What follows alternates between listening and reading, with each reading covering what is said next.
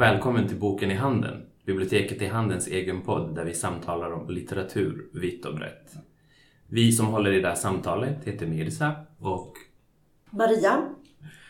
Och idag har vi med oss en gäst som i höstas kom ut med sin första roman Dalenglitter. Välkommen Vanda Benjelloul. Tack! Kul att vara här. För de som inte känner till dig sedan tidigare, kan du berätta lite om vem du är och vad du gör? Eh, ja, jag brukar alltid känna mig som en så här, mytoman när jag säger vad jag gör för att jag är någon slags journalistisk allt-i-allo och gör så många olika saker så jag liksom har lite svårt att hålla reda på hattarna som jag har på mig. Men jag, jag har precis varit producent för Petri Guld så att jag är tv-producent men skriver väldigt mycket om film, är filmkritiker på DN och eh, Nyhetsmorgon på TV4. Eh, och eh, sen har jag ju skrivit en bok och så gör jag dokumentärfilm. Alltså, ja. Jag gör det som är roligt och det jag brinner för helt enkelt.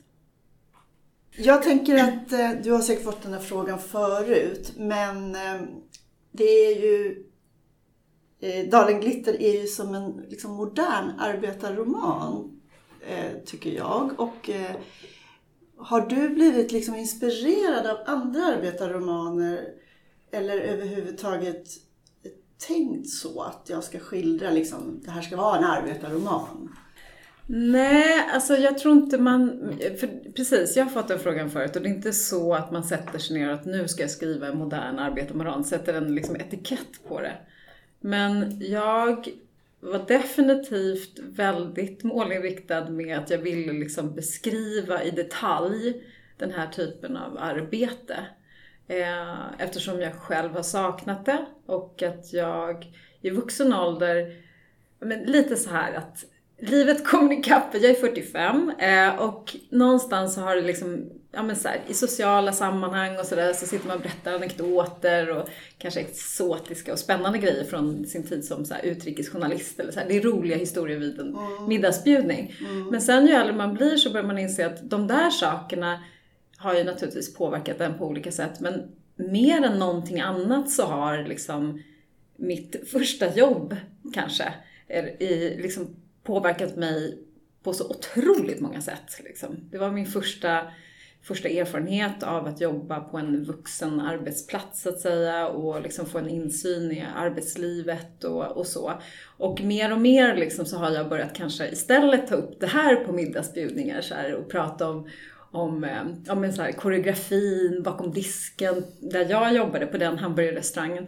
Och då är det så fint för det har blivit som en stafettpinne. Att då öppnar det ett nytt samtal som man kanske inte haft hundra gånger i sån här, ja men om man sitter med andra mediamänniskor, utan man pratar om erfarenheter från ja men så här, rätt oglamorösa, okvalificerade jobb som man hade tidigt i livet. Och det blir väldigt spännande samtal för det det är många av oss som kanske inte har pratat om det. För mm. man tänker så här, vem är intresserad av att prata om det? Så, mm. Men jag, jag är generellt ganska nördig med också när jag jobbar som journalist, att jag, jag tycker det är så här höjden av lycka att komma in på en arbetsplats och se hur det funkar. Jag gjorde ett program om textilindustrin och liksom mm. hållbart mode och sådär. Varje gång jag kommer in, alltså jag får så här rysningar bara jag tänker på det. Mm. Varje gång jag kommer in, och min fotograf var likadan, när man kommer in i liksom så här ja, men en bomullsfabrik eller så här, när de spinner mm. tråd. Alltså jag blir helt förhäxad av de här maskinerna och alla stegen och den här enorma ödmjukheten inför alla de här små stegen som krävs för att sen få en tröja som man bara köper och tar för givet mm. liksom att Mm. Ja men den här, så, så köper man den. Eller en ost, att det kräver så här många liter mjölk, eh, så här många kossor. Alltså mm. alla de där små detaljerna har jag alltid varit så otroligt fascinerad av oavsett Eh, oavsett liksom bransch eller mm. yrke, yrke så.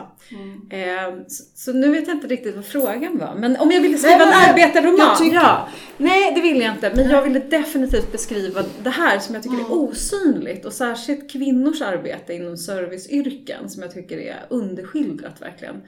Så det var verkligen ett incitament att så här, mm. snöa in på detaljerna för att det säger någonting om det stora mm. perspektivet. Mm.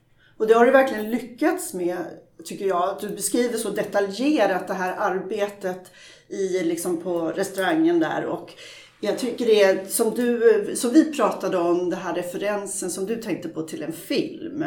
Det här att man, man väger salladen. Man vet alltså, minst, alltså all, alla arbeten även de som kallas okvalificerade kräver ju kunskap och erfarenhet och det tycker jag du får fram i den här. Alltså man, man väger salladen eller man gör små, som du säger, koreografi bakom. Man, man vet precis vilket steg man ska ta och allting. Så det tycker jag är väldigt intressant. Sen har jag alltid tyckt om arbete, eh, skildringar av arbetslivet överhuvudtaget och att som du säger, det är ganska underrepresenterat också. Ja, och så att jag, ja. eftersom jag kommer från filmhållet också, mm. vilket många har kommenterat, vilket ibland har, jag har uppfattat det som att det är nästan en negativ kommentar, att den är så filmisk. Mm. Och att, den, att det inte är odelat positivt, utan att det är lite så här ja, ja, hon är filmkritiker, hon kommer från det här hållet och så vidare. Och att mina referenser är väldigt mycket filmer och det är där jag hittar min inspiration. Och att många scener är skrivna som Alltså, oh. det är så jag har gått in i dem, som filmscener. Att jag beskriver liksom, ja. Men att syftet är ju liksom att det taktila, mm. det är det jag har varit ute efter. Så mm. Att jag har kroppsminnen av hur det känns. Hur, hur, vad var det, tre, jag kommer inte ihåg exakt, tre ja. gram sallad, isbergssallad känns i handen. Just det är den, att när jag har skrivit så har jag liksom verkligen gått tillbaka till känslan av alla de här sakerna. Hur, hur det kändes att stå där bakom disken och lukta fritös, frityr liksom. Och hur det kändes att ha salladen. Alltså för det var, till slut så hade man ju en kroppslig uppfattning av hur mycket det var. Du, du skulle inte behöva, hade jag vägt den där salladen, då hade den varit exakt mm. så mycket som, mm. som det skulle vara. Mm. Och det lär man ju sig liksom eh, efter ett tag. Mm. Men just att den där kunskapen är så i, i, utanför restaurangen så är den helt, alltså det, vem vill lyssna på det? Mm. så, alltså det är inte riktigt en middagskonversation så. Eh, så att jag, jag ja, jag ville berätta om det liksom. Ja. Men var det en tydlig ska man säga, hommage till Äta, sova, dö? Just det här med att väga salladen? Nej, vet du att jag tänkte inte på det. Jag, det, det efter, I efterhand så, så minns jag det. Just det, för de paketerar sallad. Rucola-sallad. Ja. Och hon, huvudpersonen, jag tror hon ser det på en intervju så här. Jag vet exakt hur mycket, 175 ja, gram rucola väger ja. i handen. Och jag tänkte direkt För mig är det, det poesi alltså. Ja. Alltså jag, jag, jag, jag, tycker det är så vackert. Den, den liksom så nischade kunskapen som alla har, som du säger, mm. inom vilket yrke som helst. Men skulle du säga att det här är ett typiskt drag hos folk som har haft ett serviceyrke, att man är så nyfiken på processen bakom? Eller är det Ja. Jag vet inte. Nej, det behöver det inte vara kanske. Eh, jag tror många... Alltså det blir som någon, liksom, att man indoktrinerar den där allmänhetens syn på det arbete man gör så att man kanske inte ens, man kanske skäms eller man kanske inte... För min del så är det nog min journalistiska sida att jag är så nyfiken i en strut liksom. Att det är min styrka som journalist i allt jag gör, att jag är genuint nyfiken på sådana här mm. små nördiga saker. Så. Mm. Eftersom jag också som jag sa, allt i allo grejen att jag hoppar väldigt mycket mellan ämnen. Det är musik, det är film, det är liksom textilindustri sådär. Och då krävs det ju att man går igång på egentligen hittar ingångar och det är väldigt intuitivt. Det är inte som att jag liksom har en strategi för att gå igång på textil utan det, ju, det krävs ju om man, ska, om man ska göra ett sånt projekt och det, det liksom det under en längre tid, då måste man ju verkligen brinna för det och känna ett intresse. Så att det sker ju automatiskt på något sätt. Det är en positiv arbetsskada kan man säga, även socialt. Alltså till, till vardags. Att jag, mm, ibland blir folk såhär, nej men back off liksom nu, lite för många frågor. Ja, ja okej. Okay. Ja. Men om man tänker på själva skrivprocessen då, när mm. du väl sätter ner det här, när du har gjort mm. all den här researchen och alla mm. tankar. Hur jobbar du då? Det är kul att veta. Ja, exakt. Det här var ju min första roman och ja. Ehm, som skrivande journalist så får man ju höra det hela tiden så här. När ska du skriva en bok och sådär. Och jag har ju alltid bara så varit typ, vad ska den handla om? Kan du berätta? Eller så här, jag har ju liksom, att det känns ju viktigt att, att den kommer, att man att boken kommer först, en vilja att berätta någonting och sen så skriver man en bok. Mm. Men, ehm, så att jag har varit väldigt avig. Eh, men sen så liksom, den här kom ju till mig så att säga. Eh, för att det var en hamburgerkedja som gjorde, som gjorde en kampanj där det var så här, eh, jobba här är som att göra lumpen, det är så karaktärsdanande, det är så fantastiskt, man blir en så bra människa och det är så bra att det är liksom samman... Men du samman- blev ju en bra människa. jag blev en jobb. jättebra människa. nej men, lite, nej men alltså, och det vill jag verkligen säga, och det försöker jag alltid säga i alla intervjuer att det är så här, jag vill verkligen säga så här. För mig så, upple- jag upplevde det inte så, men jag så här som vuxen i efterhand med lite perspektiv så ser ju jag också att den här typen av arbetsplatser är fantastiska på det sättet att de har väldigt låga trösklar in i arbetslivet. Och det är många människor som kanske inte kan svenska ännu eh, fullt ut eller som har ingenting på sitt CV. Eh, så här, som får en möjlighet till ett, ett, liksom, ett jobb. Eh, och sen kan klättra inom liksom, företag. Så, och det tycker jag är fantastiskt, det vill jag verkligen säga. Och att det också faktiskt var en mötesplats där jag mötte, vilket jag också försökt beskriva, att det är en mötesplats mellan att man möter ungdomar från hela stan och det var väldigt berikande och spännande. Men för mig så var det också en inkörsport till en jävligt sunkig Ja. arbetsliv liksom som väldigt ung när man inte vet heller vad man kan förvänta sig av arbetslivet Nej. och man blir utnyttjad på många sätt. Ehm, idag skulle jag ju aldrig acceptera många av de saker som, som, som jag gjorde då för jag hade ingenting att jämföra med. Så för mig var det så. Och sen så när jag väl började skriva så började jag där att beskriva liksom hur det arbetet såg ut. Men jag var ju rädd där i början att folk skulle vara så jättetråkade. Eh, att, det, att det skulle bli trist att läsa det här. Det var nog min största rädsla i början. Ja. Och sen så också att jag kände att så här, men det finns nog ett sätt att skriva böcker. Ja. Jag, det, det, för det finns nog ett sätt och det här är nog inte sättet så som jag håller på nu. För jag skriver bara på lust och jag har ingen, jag har ingen mindmap eller jag har ingen så här. Eh, så det kom senare att jag började för att själv hålla koll på karaktärerna och liksom så här, och ja, när det blev, textmassan blev större och större så var jag tvungen att liksom bara strukturera upp det så att jag inte tappade trådar och den här ringen som, fin- alltså så här, den måste ju komma tillbaka eller nu har Jamila inte varit med på ett tag, vad händer med henne? Alltså sådana saker.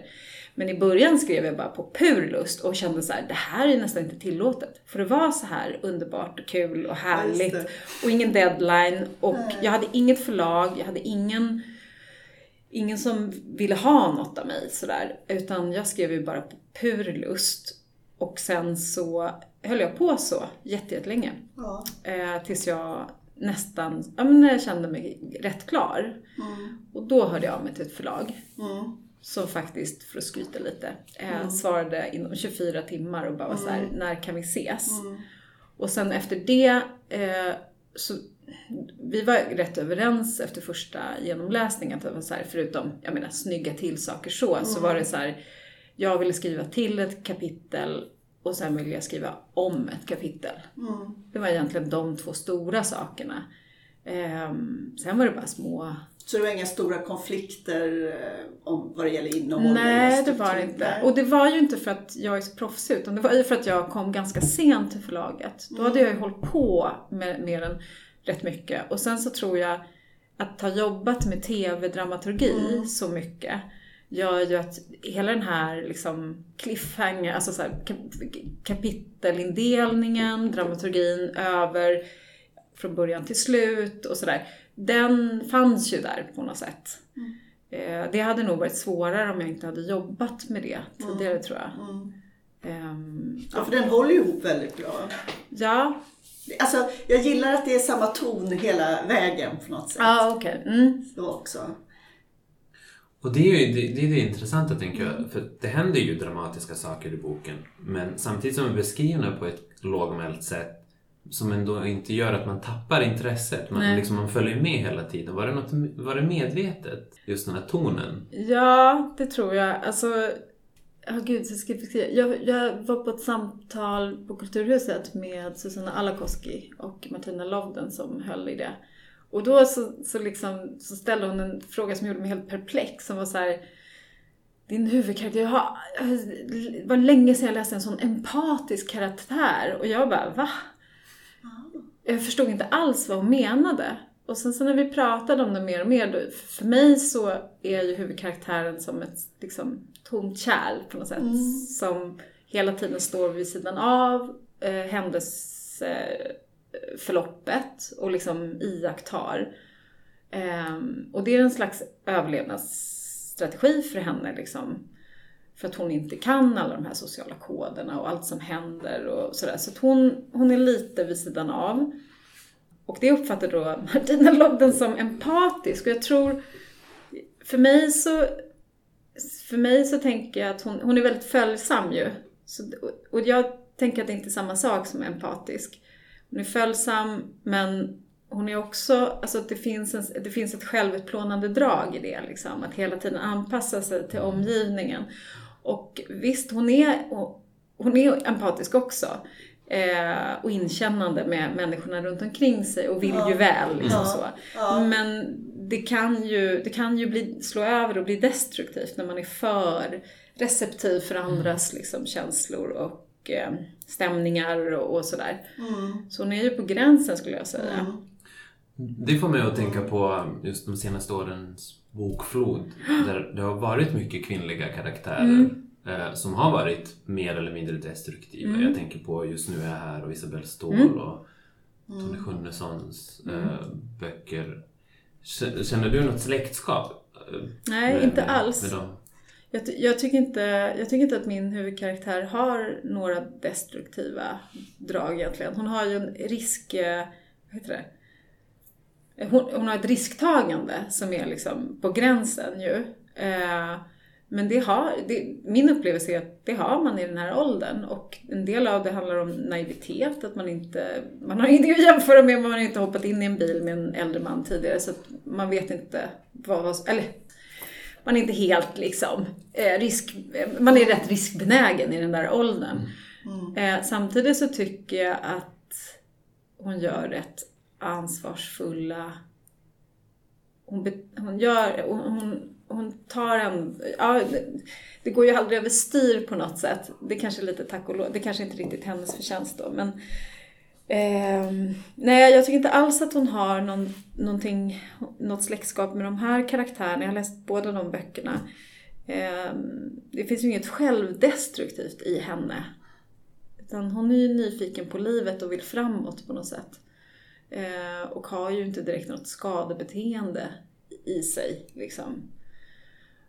Och eh, ja, men det sa Martina typ Lodden också, att den här, alltså kvinnoskildringarna är ju en del av förklaringen till det också. Alltså de kvinnor som finns runt omkring henne, hennes mormor, hennes mamma som är väldigt, det är kanske hårt, men det är ju det är en del galghumor där, men det, det, är ju, det finns ju en värme och det finns en stabilitet i dem.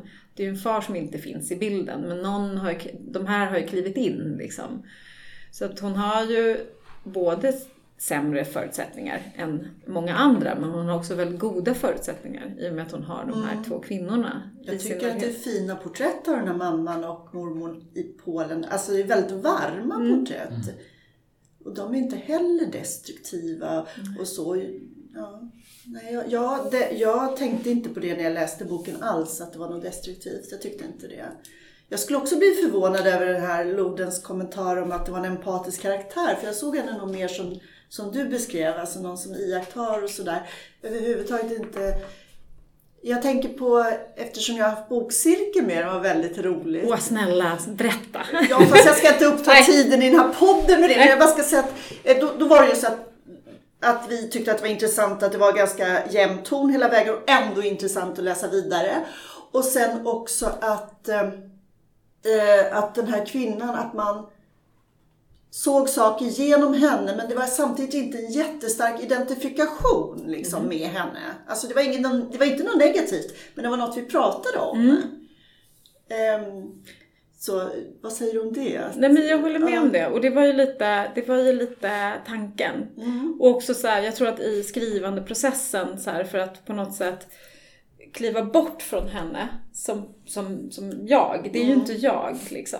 Det finns, alla exteriörer och interiörer är ju hämtade från mitt liv. Så det är som att jag ställt in kulisserna från mitt liv mm. i den här boken. Polen, den här hamnstaden som jag kan utan och innan. Eh, och eh, min mormors lägenhet som är mm. exakt, eh, det är min mormor också kan man säga, rakt av. Men så den och sen, och sen liksom Dalen och den här hamburgerrestaurangen. Det är platser som jag kan. Liksom. Jag vet exakt vad saker står, jag skulle kunna liksom, ta mig runt där i sömnen. Men däremot just för att liksom, kliva bort från den här huvudkaraktären, det är inte jag. Det, är liksom, det finns ju väldigt många som har missuppfattat det och tror att det är rakt av är jag, att det här är mina memoarer. Men det är fine liksom. Men, men just att då var det, det var ett led i den processen att liksom göra henne till en ganska, ja men en projektionsyta så här, Som inte blir för tydlig i sin karaktär. Just det. Och också, ja precis. Ja, vad intressant.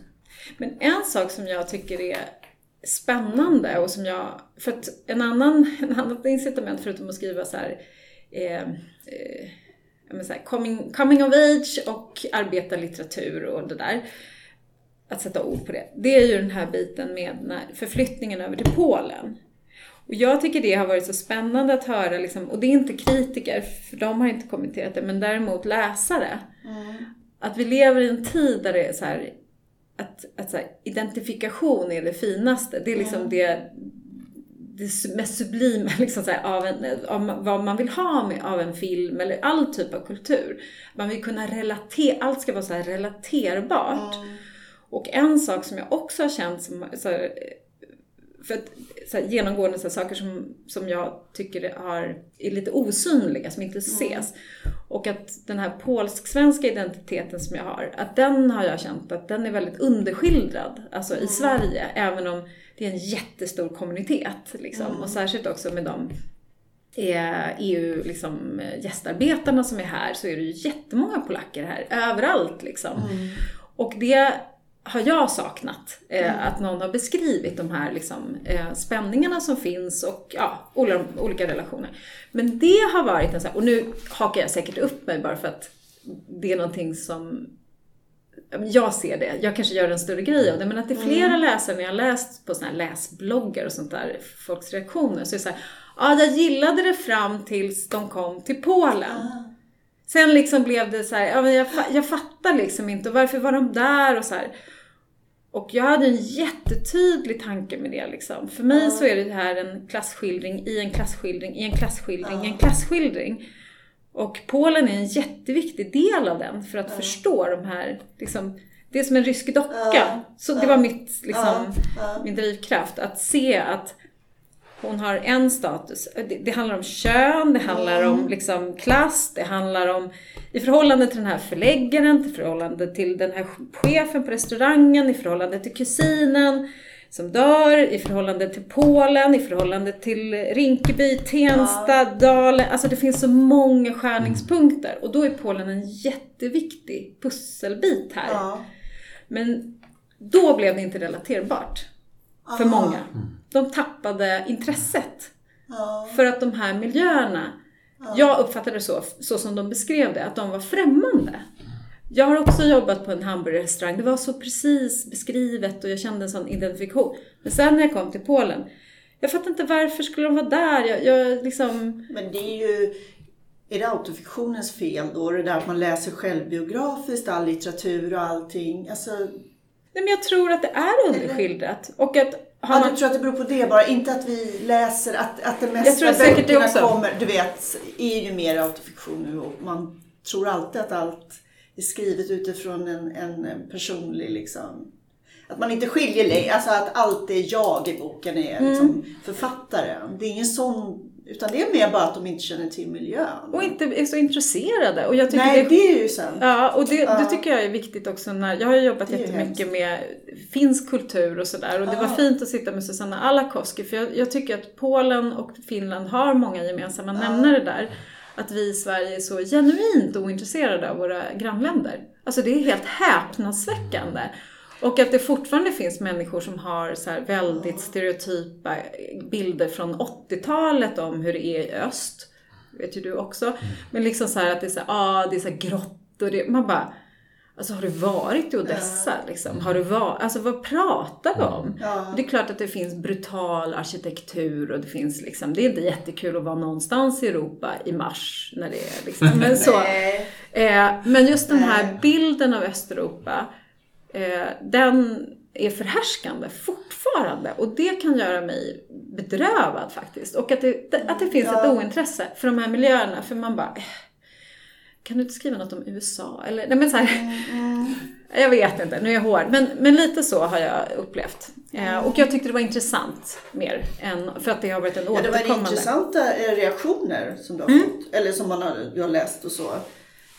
Jag tycker att eh, i boken så görs det ingen, för mig i alla fall, stor sak av att huvudpersonen har polskt ursprung. Men det har ju samtidigt betydelse för handlingen för den utspelar sig delvis i Polen.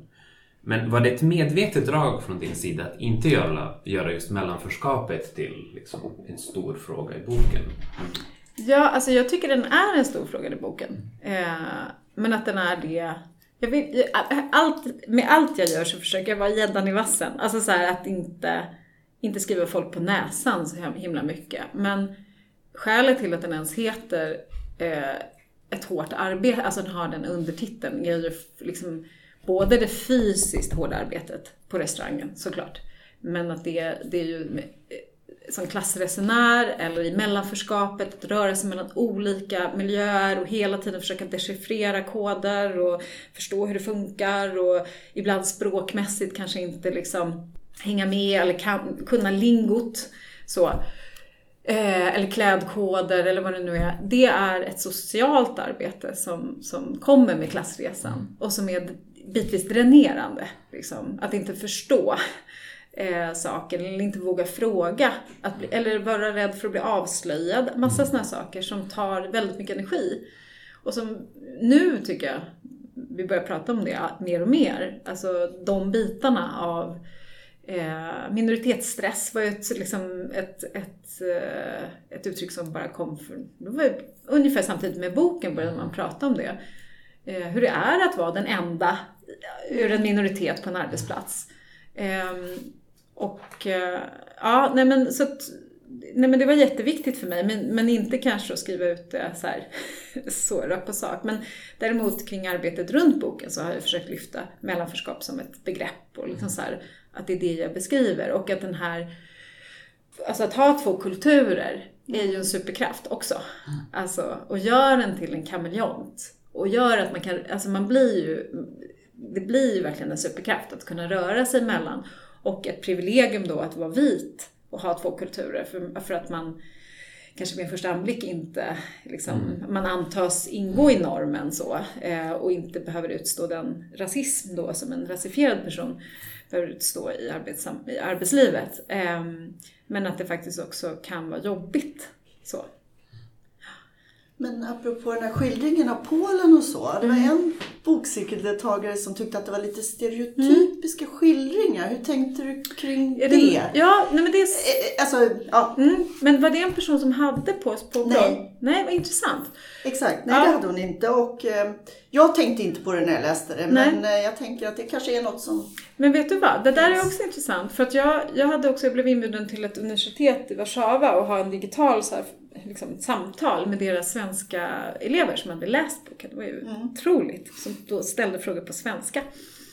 Eh, och då pratade vi eh, om allt möjligt och sen så, så kom Ja, men så, och, och så kom vi till de känsliga frågorna som var liksom så här, hur jag ser på Polen och och Sverige och så. Och jag bara tog ett djupt andetag ge- dels det här med vårt ointresse för Östeuropa från svensk sida, men alltså just eh, hbtq-frågan, frågan, rasismen och allt i Polen liksom. Eh, att jag naturligtvis är väldigt kritisk mot det.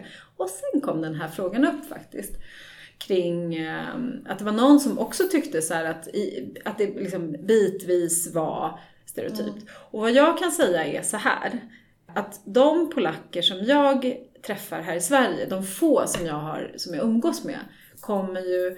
För många, många av de som kom runt den tiden som mina min mamma kom till Sverige, det var ju välutbildade akademiker. Det var konstnärer, arkitekter och så vidare. Det är ju en det är medelklass, övre medelklass, liksom. ehm, en kulturelit kan man väl säga. Liksom. Eh, Medan min mamma kommer ju från en, liksom, en hamnarbetar, liksom, familj, eh, en arbetarklassmiljö. Eh, så att jag har, jag har ju hela mitt liv inte riktigt jag har inte riktigt känt igen mig i mina polska, mina få polska vänners erfarenheter. Det, vi delar inte världar så att säga. Och jag tycker när, när liksom Lag och rättvisa tog makten i Polen och sådär så kände jag att det fanns en, att det var många som var förbryllade kring liksom, att det var så många som röstade på dem. Min familj är Lag och rättvisa. Mm. Eh, och, och, och, så att det finns och, och, och den här, de, de, som går på universitetet i Warszawa och som ställer den här frågan. Mm. Vi resonerade, det var ett fint samtal och vi resonerade om det och liksom kunde ändå prata om att så här, ja, det här handlar ju om vad mm. man har för klassbakgrund. Mm. Och min familj, där är det liksom där är det träningsoverall-killar och kamphundar och, liksom, och eh, vodka klockan innan tolv på dagen mm. och folk kan inte gå rakt. Liksom, för att det är en stad som har drabbats av enorm arbetslöshet mm. efter att hamn, hamn, hamnarna har lagt ner och så vidare. Så det är en väldigt, det är en väldigt, just där min mormor bor är det så här. Jag beskriver det jag ser helt enkelt. Men jag, jag påstår inte på något sätt att den bilden är representativ eller att det är så. Jag menar, i Warszawa är det ett helt annat liv, i många andra ja. städer. Finns, ja, nej men så att, det här är bara en skärva av verkligheten. Men det var ju den skärvan jag ville beskriva. Eh, och men då är det någon slags klassperspektiv. Det är någon klassblindhet då när man tycker att det är stereotyper? Eller är det bara att man tycker att man får inte skildra negativt? Nej, eller? nej jag tror tvärtom. Eller? Jag tror ja. att just, jag, återigen om vi går tillbaka ja. till jag, Polen eh, och den polska erfarenheten i Sverige är underskildrad. Ja. Och man får en enda skildring på någonsin, på tio år liksom. Mm. Eller läs, ja. Då, då, det är klart att den, den blir ju stereotyp då. Mm. För det är ju det är en själva verkligheten, sen finns det hundra andra mm. liksom. Men nu beskrev jag exakt det här. Mm. Eh, och om det är den enda man får då sig till livs på tio år så är det klart att den blir ju inte, det blir ju inte jätte, det blir inte så representativt liksom för hur det ser ut i Polen. Eh, som har en enorm befolkning. Så att, men jag kan inte, jag kan inte lösa den med... Nej, nej. Nej, men precis. Men, men det är ändå intressant frågeställning på något sätt. För jag menar man säger ju inte, jag fick inte höra i bokcirkeln att det var stereotyp skildring av den här unga tjejen Nej. eller av förläggaren i bilen. Förstår Man skulle lika gärna kunna sagt Fast samma... jag tycker det är fint. Jag tycker ja. det i grund och botten är en fin oro. Att det är så här, Ja, det är en oro, det är sant. Ja, nej, men ja, att, ja, att det är så här, jaha, men oj, nu, kommer ja. nu, nu kanske alla svenskar kommer tro att det är så här, och så här. Och det hoppas jag verkligen att de inte tror. Men jag tror att det är det faktum att det här kanske är den enda boken man läser med en polsk skildring. Som gör att då, då kommer folk tro att det är så här. Jag får skriva en till bok som handlar om överklassen i uh, Warszawa. Så att, jag liksom, så att vi skapar balans i kosmos. men, men, eh, men så, ja, ja. ja nej, men, det är vad det är liksom. Ja. Men det är en jättefin skildring om den där trappuppgången i mormors hus. Och, åh, min mormor, jag förstår. Ja, jag fördes lite tillbaks till uh, min uh, min mammas hemstad i Bosnien, mm. där husen och, och, och just den här lite annorlundare, eller större graden av social kontroll mm. som ändå finns. Mm.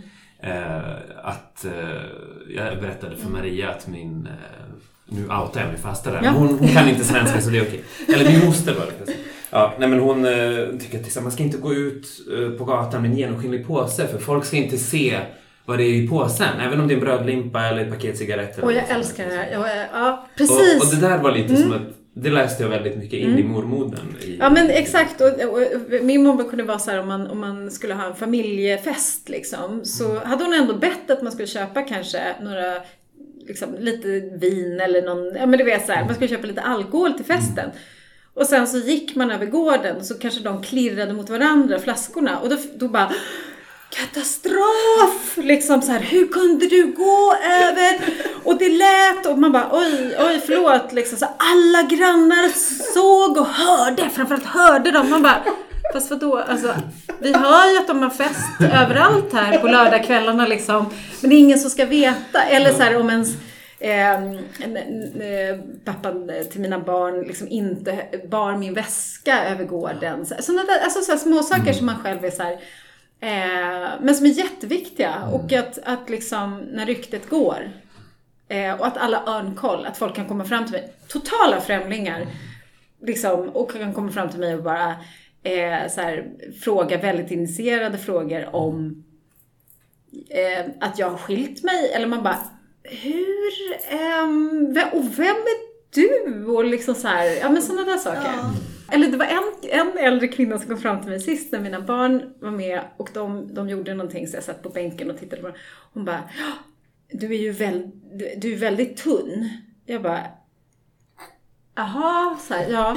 Men, men, men det är ju det, det, det, det, är bra för du, du, då, då, då, då kommer du inte hitta en fet man. Jag bara, nej, det, det känns bra. Eller men det, ja, men så här, folk, folk lägger sig i och folk, på gott och ont. Ja.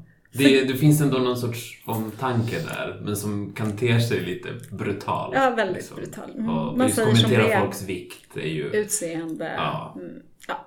Så, så kan det vara. Men, eh, ja. Ja, det var, det var hög igenkänning där.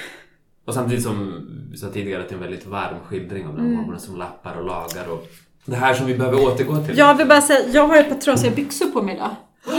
Och då tänkte jag, jag tänkte direkt på mormor. Jag bara, nej, nu kommer jag gå och så kommer de se det här och så kommer de tänka, och tänk om min mormor hade sett det här. Hon hade, hon hade inte, hon hade inte klarat det. Mm. Ja, det är tur att du inte syns på bild då. Eller vi tar en bild sen, men Okej. inte på byxorna. Inte byxorna, tack. Men jag tänker när vi ändå uppehåller oss vid familjen och sådär. Mm.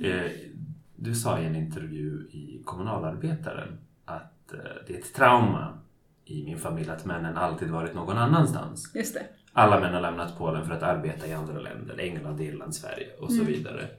Ehm, och då tänker jag just att det saknas en pappa i, i boken, var det Mm. liksom för att illustrera det just traumat? Nej, det var det inte. Nej, det var det inte. Men jag tänker så här, som, som min mormor. Eh, jag kommer ihåg att hon sa någon gång så här, att det kan, kan vara med i boken. Men, jo, men det kanske är med i boken. Men just att hon var helt förtvivlad en dag för att hon berättade att min eh, mor, eh, morbror, som hade flyttat till, liksom, men så här, borde egentligen ha börjat varva ner, lite så. Och han jobbade i hamnen och lastade saker och det var skittungt för hans kropp. Liksom. Så att, men han drog med alla mina kusiner då som var betydligt yngre till Irland och sen var det där jobbet de la ner och så var han tvungen att liksom börja gå på den så här irländska landsbygden för att hitta ett nytt jobb och så här fysiskt gå till olika ställen och att han slet ut så här tre par skor genom att göra det. För mig är det så här, alltså den bilden är så stark. Och att hon var helt förtvivlad över det här och var så här, men liksom, det var ju det här vi gjorde efter kriget. Det var ju det här jag och din eh, morfar gjorde liksom och så försökte hitta påhugg. Hon, hon jobbade som sömmerska hemma med fyra barn. Och, men det var så här, det där slitet verkligen. Och nu så här, inte ens min son, alltså i, i hans ålder också, jag minns inte exakt hur gammal han var, men han var väl 50 någonting liksom. Sliter ut tre par skor för att hitta ett påhugg. Det gav väl inte jättemycket pengar, men det var väl pengar till pensionen sen för att han visste att han skulle få så lite. Alltså det är så, det är så fruktansvärt. Ehm, så det var, det var väl det, var väl det liksom, som jag ville beskriva. Och, att, och också så här, en, en jättestark grej för mig är ju att när jag och min kusin fick barn samtidigt och jag stod honom väldigt nära, liksom, han var min eh, favvokusin, väldigt rolig person. Och eh, ganska strax efter att han hade fått sitt barn, eh, min dotter är nu, de är 16, de här barnen nu, då drog han till England för att jobba. Så han liksom träffade knappt sin son och var där, jag minns inte exakt, men jag tror att det var kanske fyra år eller något sånt där. Och sen hade de precis, det här är en hemsk historia, förlåt, så jag hoppas ni bear with me. Men i alla fall, och vi träffade ju hans son egentligen. Eh, jag ska inte säga att vi träffade honom mer, men vi, vi träffade honom mer än min kusin i alla fall. För vi var ju inte i England och hälsade på honom, utan vi var i Polen några gånger om året och så hälsade på hans son och så här, fru och så. Men i alla fall, sen en natt så får jag ett samtal där eh, han har förolyckats i en, eh, så det är också lite i, i boken, men jag har skrivit om det lite grann. Men eh, han, han har förolyckats och då, skulle de, då hade de precis flyttat till London, hans son och fru. Så de hade varit förenade i kanske ett halvår. Och så dör han i en motorcykelolycka. Och det var bara så här... Och samtidigt så ser jag min dotter växa upp med liksom båda sina föräldrar och så. Och just de här euro-orphans som det kallas, alltså barn som, som tas hand om sin mormor eller någon släkting sådär. Mm. Eh, som är ett jättestort problem i, i Östeuropa framförallt, eh, om vi pratar om Europa. Eh, att, och, och, i bästa fall så blir det bra, men ofta så är det ju till och med så att faster och moster och mormor måste åka iväg och jobba och då är det liksom ingen där. Så jag vet, jag har sett några sådana filmer, dokumentärfilmer som handlar just om barn som har blivit lämnade vind för våg med sina syskon och måste bli vuxna liksom direkt. Och det är ju ett, det är ett tragiskt öde verkligen för alla de här, för alla de här familjerna liksom, som splittras mm. på det här sättet. Mm. Um, och um, Ja, så det var, det var väl det jag ville beskriva i det här liksom. Eh, och en annan kusin till mig, han, han monterar såna här vindkraftverk så att säga. Och jag, usch, jag tycker så det har varit flera olyckor på sådana arbetsplatser. Och det, apropå det här med så här, detaljer i, i jobb jag visste inte ens innan han berättade det här så visste jag inte alltså, hur han jobbade, var han var någonstans, vad han gjorde. Så jag hade ingen aning om att den sista liksom, monteringen av ett vindkraftverk är manuell. Det är helt mm. bisarrt. Jag menar, det är en stor lyftkran och det är massa saker som ska till, men det är ju Eh, och då tänker man att det är så här en massa underleverantörer, oseriösa underleverantörer, bla bla bla. Och så finns det inte skyddsutrustning och, så, och fall, folk faller från väldigt hög höjd och så vidare. Och ingen tar ansvar efter en sån här olycka. Så här, det är ju det är fruktansvärt. Så. Så det var ju det jag ville beskriva, den utsatthet de här människorna, och det är ju inte specifikt just för polska gästarbetare utan det är för väldigt många liksom. Mm. Eh, som ju, jag tror inte många reflekterar över mm. överhuvudtaget. Och att det faktiskt innebär att man lever borta från sina barn och sin familj under många, många liksom, månader. Mm. Ja visst, men det har mest skildrats ju liksom att kvinnor åker bort ja. och arbetar. Det här ja. är en annan grej som mm. inte jag har tänkt på faktiskt, Nej. på samma sätt. Eller det skildras ofta att kvinnor åker bort och mm. städar och tar hand om mm. andras barn, lämnar sina barn då eh, till sina mormödrar och det är hemskt. Ja. Men det är ju hemskt att män åker också, så här. men det har inte skildrats lika mycket. Nej. Jag tänkte också att det här med Östeuropa, det är ju liksom krig, andra världskrig och allting. Det tar flera generationer att repa så Sverige mm. är så otroligt skonat. Mm. Tänkte på det när du sa att nu är han ute och vandrar och sliter skor. Mm. Alltså att det, det, är det är ett narrativ som pågår ju, ja, som vi är helt... Mm. Uh, precis, och det har jag tyckt varit intressant när jag varit... Jag var och rapporterade någon gång från de första abortdemonstrationerna och så pratar man med så här, äldre kvinnor i demonstrationstågen som bara ja, snart rullar tanks in på gatorna. Ja, ja. Eller du vet så här, det tycker man är mm. överdrivet. Vilket jävla privilegium att tänka mm. så liksom. För henne så var det liksom, en dag lämnar man barnen på skolan och nästa dag är det skottlossning nere mm. liksom på, vid skolan. Det är så verkligheten ser ut för många av dem i, i Europa. Så att för, för, för oss så verkar det som fiktion, men för många människor så är det ju, de har varit med om det kanske inte bara en gång, utan många gånger i livet. Att det ändras så drastiskt och så plötsligt. Um, så att det, det, det, ja, nej men det är, en, det är en stor, stor skillnad. Och de här männen, det jag ville säga också, det kanske blir min nästa bok faktiskt. För det jag tycker är intressant också, det är ju att det är ett väldigt patriarkalt samhälle. Och många av de här männen brukar jag ska inte outa någon, men eh, det finns ju män som inte kan koka ägg. Liksom. Det är verkligen så. Och som har varit omhändertagna av sina fruar och ja. sådär. Eh, och som då när de slussas iväg liksom, till ett annat land plötsligt är i ett, ett ofrivilligt visserligen, men ett kollektiv med andra män som inte heller kan koka ägg. Hej och hå, vad gör man då? Ja, men antingen utser man någon till kocken liksom, som värmer eh, fiskpinnar, typ på den nivån.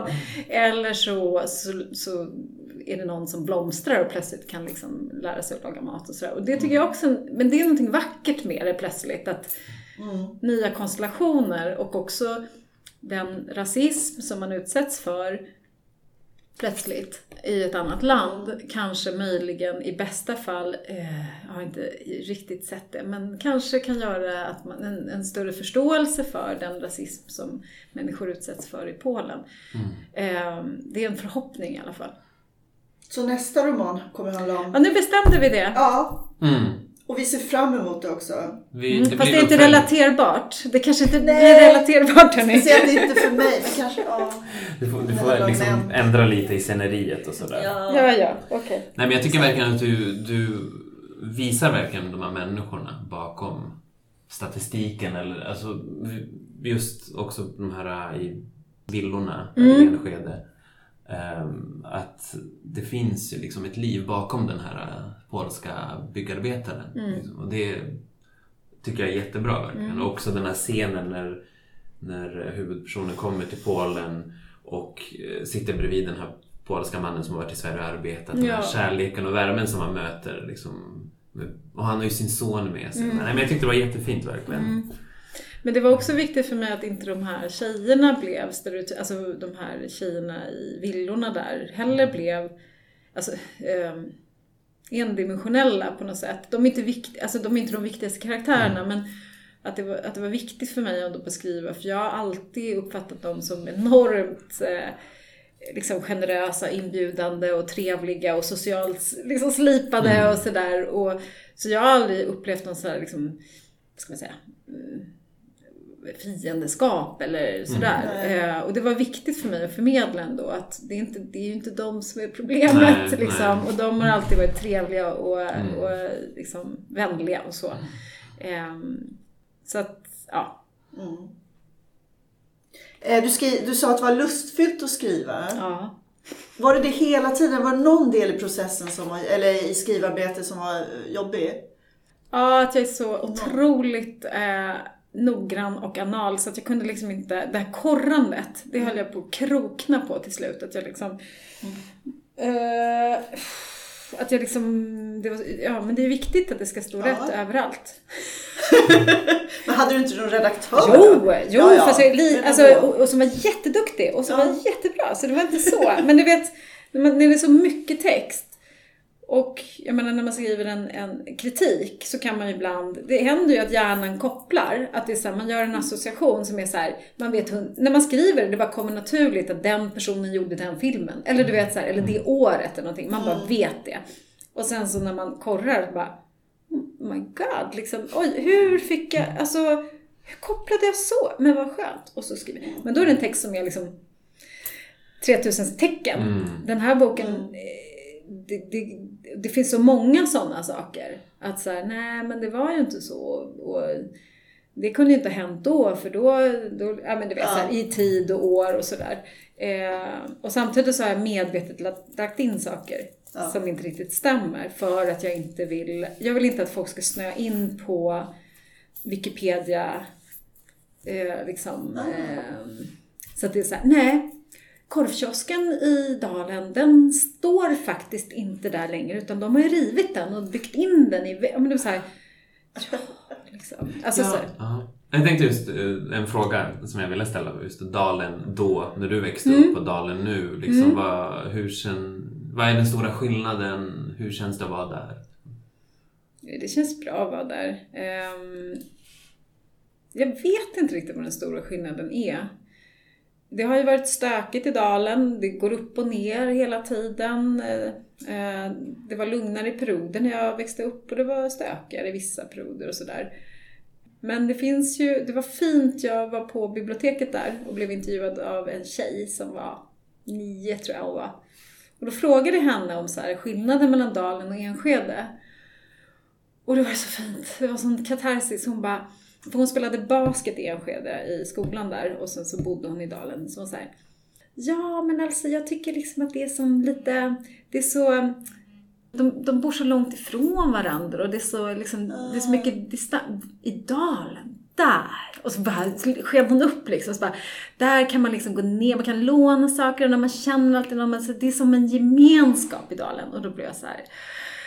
Alltså varm i kroppen. Ja. Så. För det är verkligen, det är ju det som är skillnaden med att bo i ett sånt område där man bor liksom på loftgångar och så här. Man har ju, medan om man bor i villa och trädgårdar, då är det ju det, det, det är svårare att samordna saker. Även om jag vet att det finns en stark gemenskap mellan grannar där också såklart. Men det finns ju inte samma så här, springa ner på gården-känslan som jag tyckte var så fin när jag växte upp. Att man kunde bara dra ner och så fanns det ju barn där att leka med. Här måste man ju mer kolla liksom i- på för, alltså i om man bor i villa så. Ja, det är positivt att de har en gemenskap där. Ja. Verkligen. Ska vi säga tack eh, för... En sista fråga. En Eller sista- förlåt. Ja. Ska ni ta- tack eller förlåt brukar vi säga. tack och, ibland säger vi tack och förlåt. Förlåt. Ja, visst. Nej, jag måste fråga, eftersom du är filmkritiker. Ja. Kan du se boken som film? Alltså jag, jag hoppas ju på det fortfarande. Eh, Jag är öppen för alla förslag. Så, när jag sagt det. Mm, verkligen. Alltså den är ju skriven så. Och Jag tror, ja, jag vet inte. Den kanske skulle göra sig bättre som eh, tv-serie eh, än film. Jag vet inte. Men det, ja, det skulle vara roligt i alla fall. Och apropå det här med eh, igenkänning och hej och hå. Det vore väl fint att få en sån polsk, alltså spela in i Polen och så. Polsk-svensk Ja, och jag, alltså jag, och jag har faktiskt funderat också på att höra av mig till eventuellt polska ehm, produktionsbolag för att se om det finns ett intresse där. För att det är ju samma sak där. Det finns ju väldigt lite skildringar av den polsk-svenska erfarenheten i Sverige. Eh, så det kanske skulle vara intressant. Bra. Bra sista ord. Då tackar vi så mycket för att du kom hit, Vanda. Tack! Och eh, uppmaning till alla att läsa boken, den är helt fantastisk. Tack för oss! Mm, tack.